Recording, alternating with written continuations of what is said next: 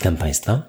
Nazywam się Jarosław Droszcz. Pracuję w Centralnym Szpitalu Klinicznym Uniwersytetu Medycznego w Łodzi, skąd nagrywam podcast Cardio Know-how, będący częścią akademickiego portalu edukacyjnego Cardio Know-how. Jest on przeznaczony wyłącznie dla profesjonalistów i odzwierciedla wyłącznie moje osobiste poglądy. Dziś nadciśnienie tętnicze. Z pewnością zauważyliście Państwo, że u naszych pacjentów w grudniu jak w każdym grudniu, wzrosło ono o kilka, kilkanaście milimetrów supertęci. I to zarówno u tych, którzy są lub byli prawidłowo leczeni, jak i tych, którzy charakteryzowali się ciśnieniem niskim. W tej ostatniej grupie, a właściwie w podgrupie z niewydolnością serca, udało mi się zwiększać inhibitor konwertazy, włączyć antagonista aldosteronu, bądź arni, bądź nieco więcej arni niż zazwyczaj bo pozwalało mi na to właśnie ciśnienie przekraczające 110, 120, przy poprzednim poniżej 100. Dlaczego tak się dzieje? Nie wiem. Mniej słonecznego światła, mniejsza aktywność fizyczna, zazwyczaj wyższa masa ciała, a może większa podaż soli kuchennej w grudniu niż w innych miesiącach roku. I do tego ostatniego potencjalnego mechanizmu moich grudniowych gabinetowych obserwacji nawiązuje jedna z prac z ostatniego kongresu American Heart. Cardia SSBP. Pierwszy autor to Deepak Gupta. Pierwszym punktem wyjścia była publikacja w Name z 2001 roku znanego naukowca Frank Zaks. Pamiętacie Państwo ten entuzjazm wywołany wynikami wprowadzenia diety DASH? Dieta, która miała wpływać prozdrowotnie, a przy okazji obniżać ciśnienie. No, podasz trzykrotnie mniejszej dawki sodu zamiast 3,5 grama gram powoduje obniżenie ciśnienia tętniczego o 7 mm supertęci przy jego średniej wyjściowej wartości 133 no i zakres był 120-160, bo o to chodziło o takich pacjentów z pogranicza. Rozkurczowe 80-95. Link jest w transkrypcie, a praca jest free. Przy okazji nawiązano do, publi- do późniejszych publikacji wskazujących na obecność genetycznego uwarunkowania naszego organizmu na podaż soli. No, u części osób dieta ubogosodowa będzie skutkowała obniżeniem ciśnienia, a u części nie.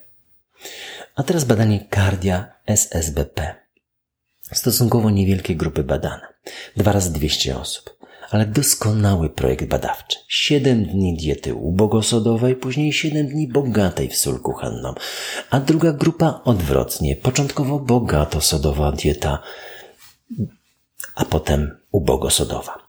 Ta Bogato sodowa ma tyle co zazwyczaj my mamy 2200 mg sodu. To tak mniej więcej jest, ja wiem, 5 gramów soli kuchennej. A ta ubogosodowa ma 500 mg sodu. No, czyli tak mi wychodzi gram, półtora, e, dwóch, poniżej dwóch gramów soli kuchennej. Wyjściowo u tych pacjentów prawidłowe ciśnienie tętnicze, średnio 128 na 80. No i zasadniczo z badania Cardia SSBP mamy dwie konkluzje.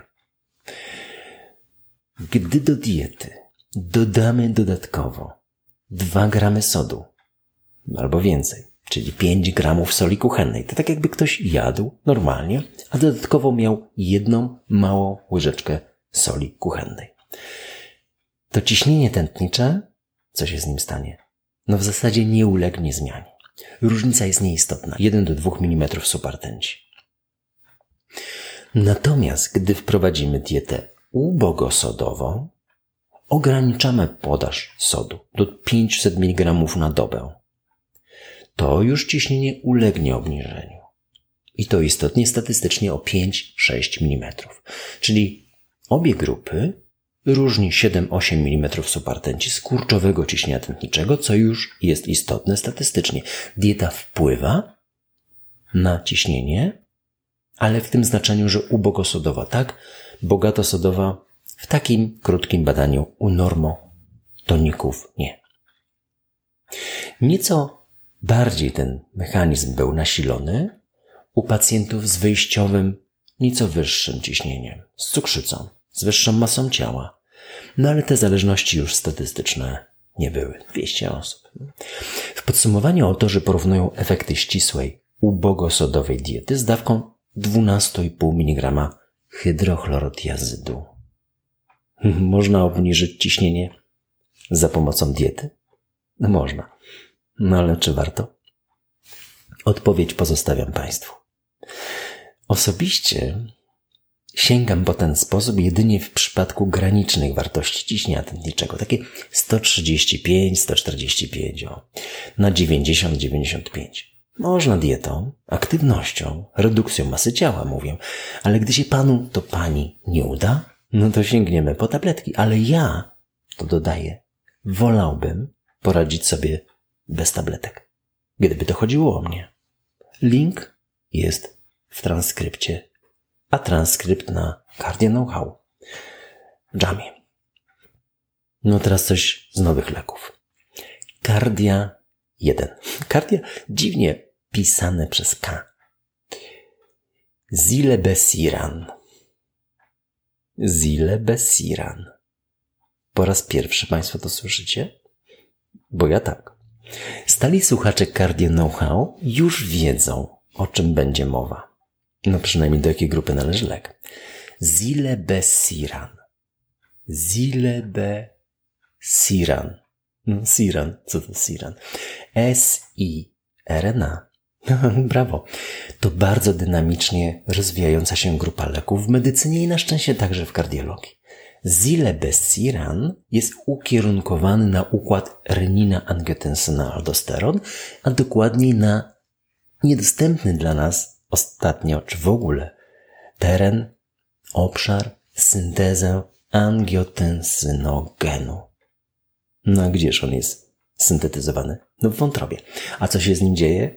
No otóż renina zamienia go na peptydy angiotensyny i cały układ renina, angiotensyna, aldosteron startuje. Faza pierwsza badań nad zilebesiranem zakończyła się sukcesem. Ten siRNA podawany podskórnie obniżył osoczowe stężenie angiotensynogenu i utrzymywało się ono długo, powyżej 24 tygodni.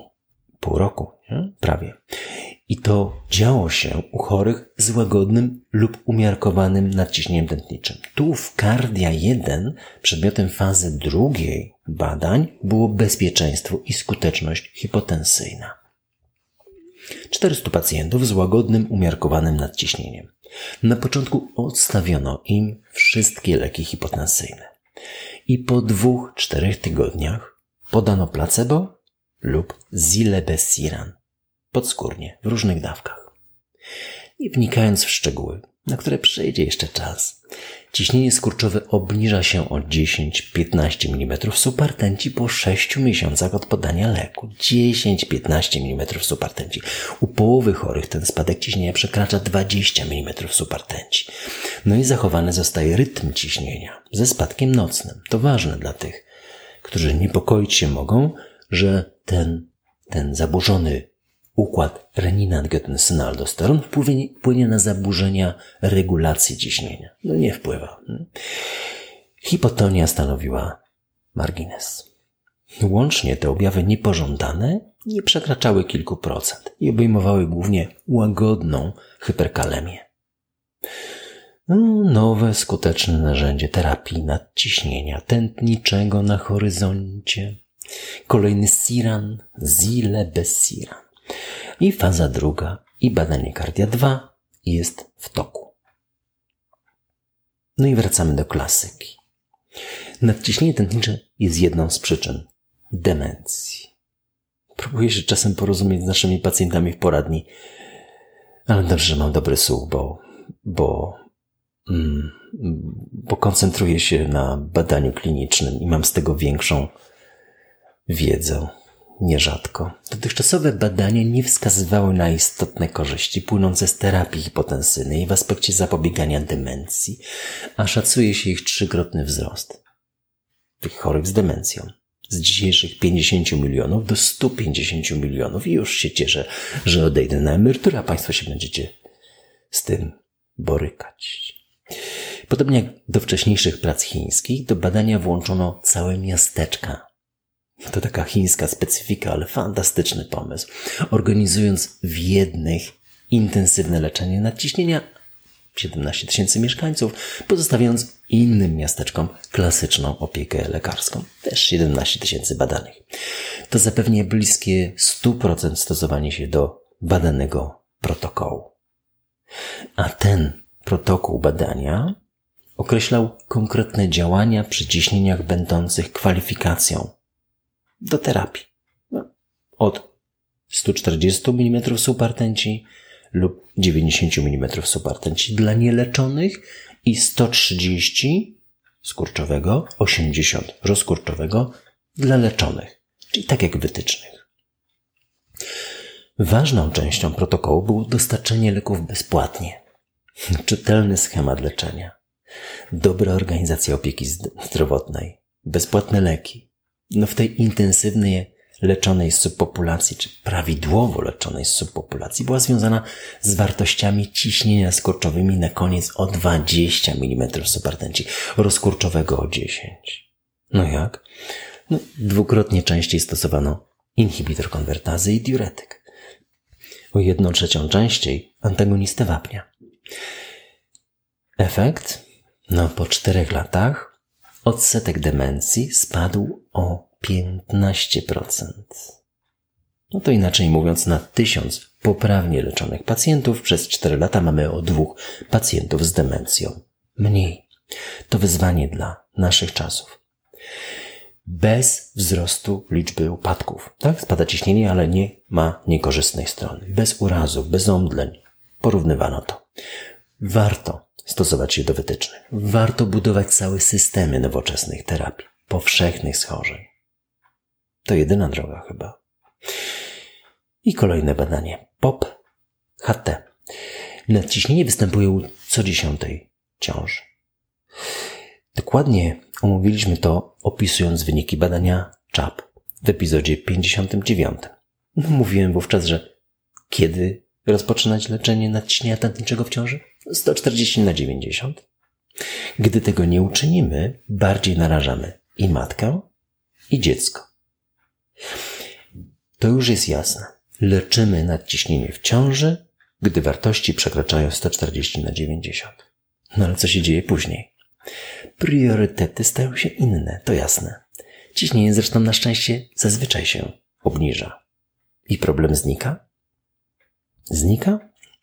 No w ciągu najbliższych 10 lat aż 1 trzecia kobiet z tych leczonych stanie się hipertonikami z tych, które miały przejściowo nadciśnienie w ciąży i u których wartości się obniżyły po porodzie.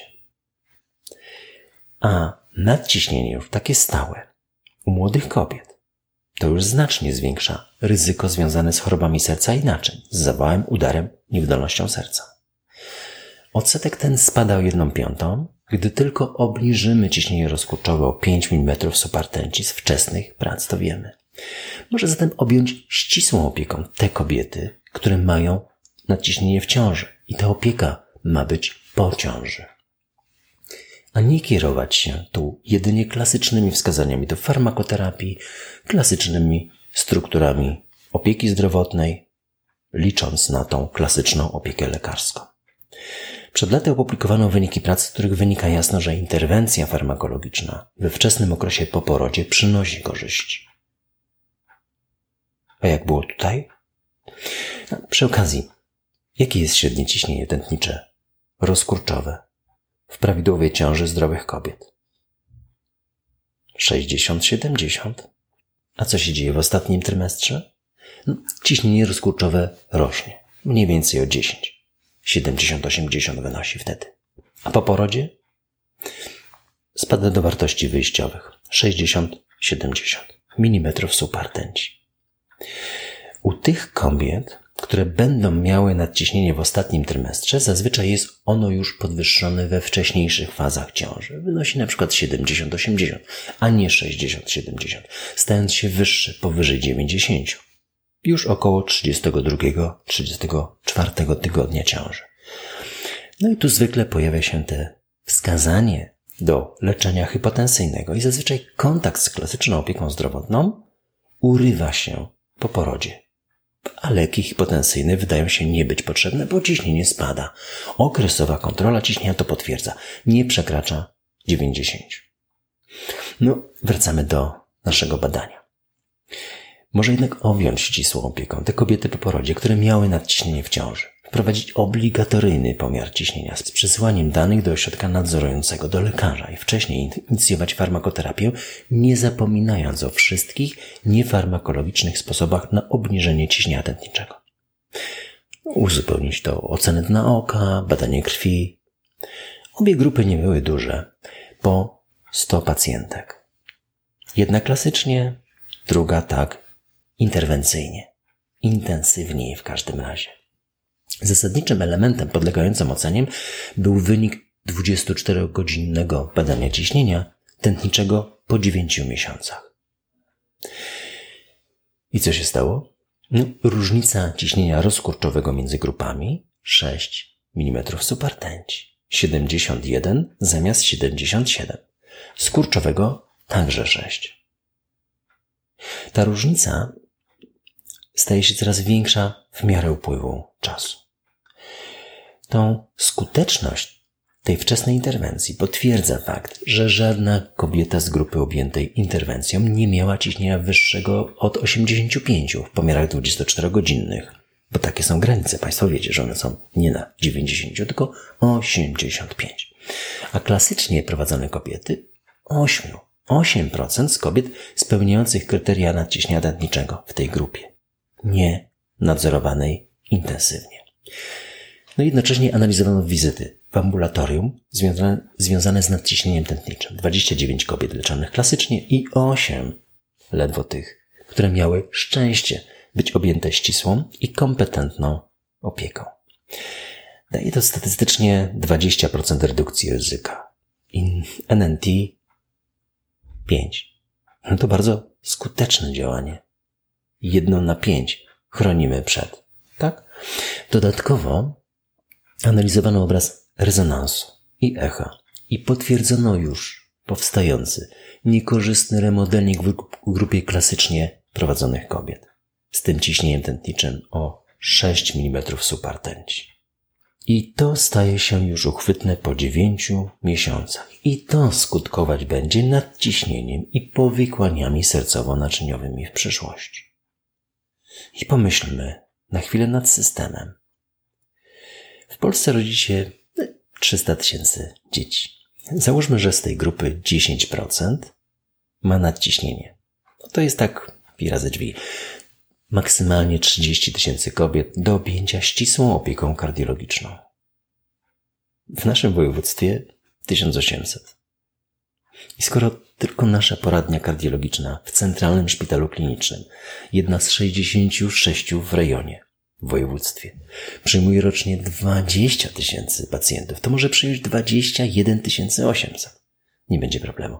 Naturalnie moją intencją byłoby, jak Państwo wiecie, pozostawić te 20 tysięcy wizyt, ale ująć wśród nich te 1800.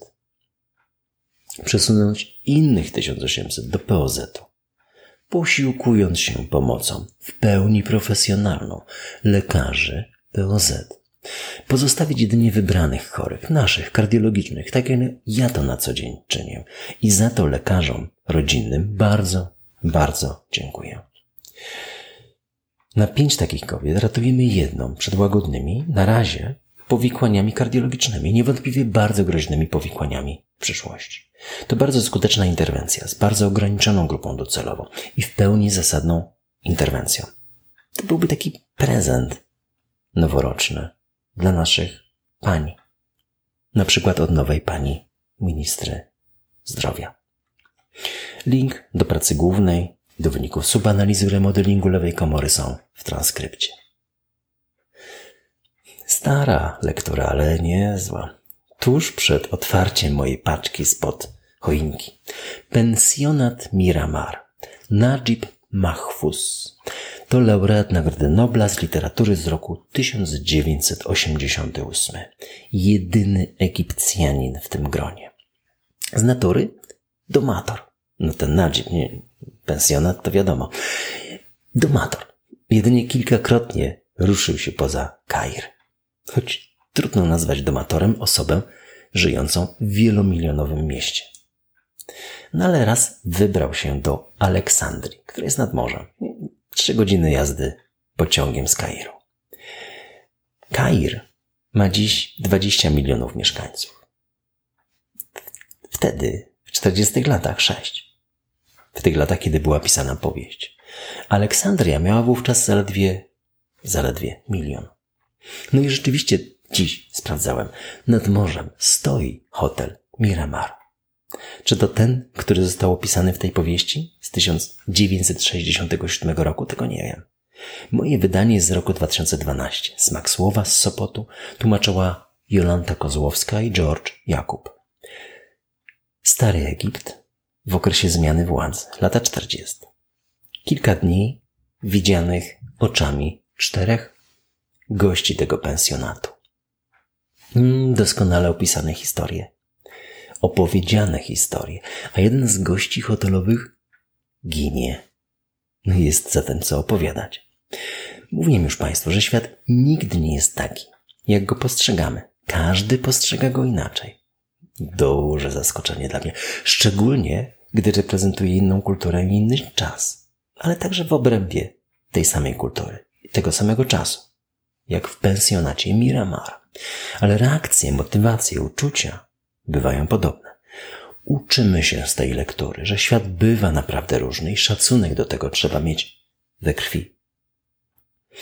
Jeżeli Państwo będziecie mieli jakieś uwagi, komentarze, pytania, kierujcie na media społecznościowe Cardia Know-how. Będę też Państwu bardzo wdzięczny za promocję podcastów wśród lekarzy oraz komentarz, choćby jednym słowem i oceną. Slawa Ukrainie!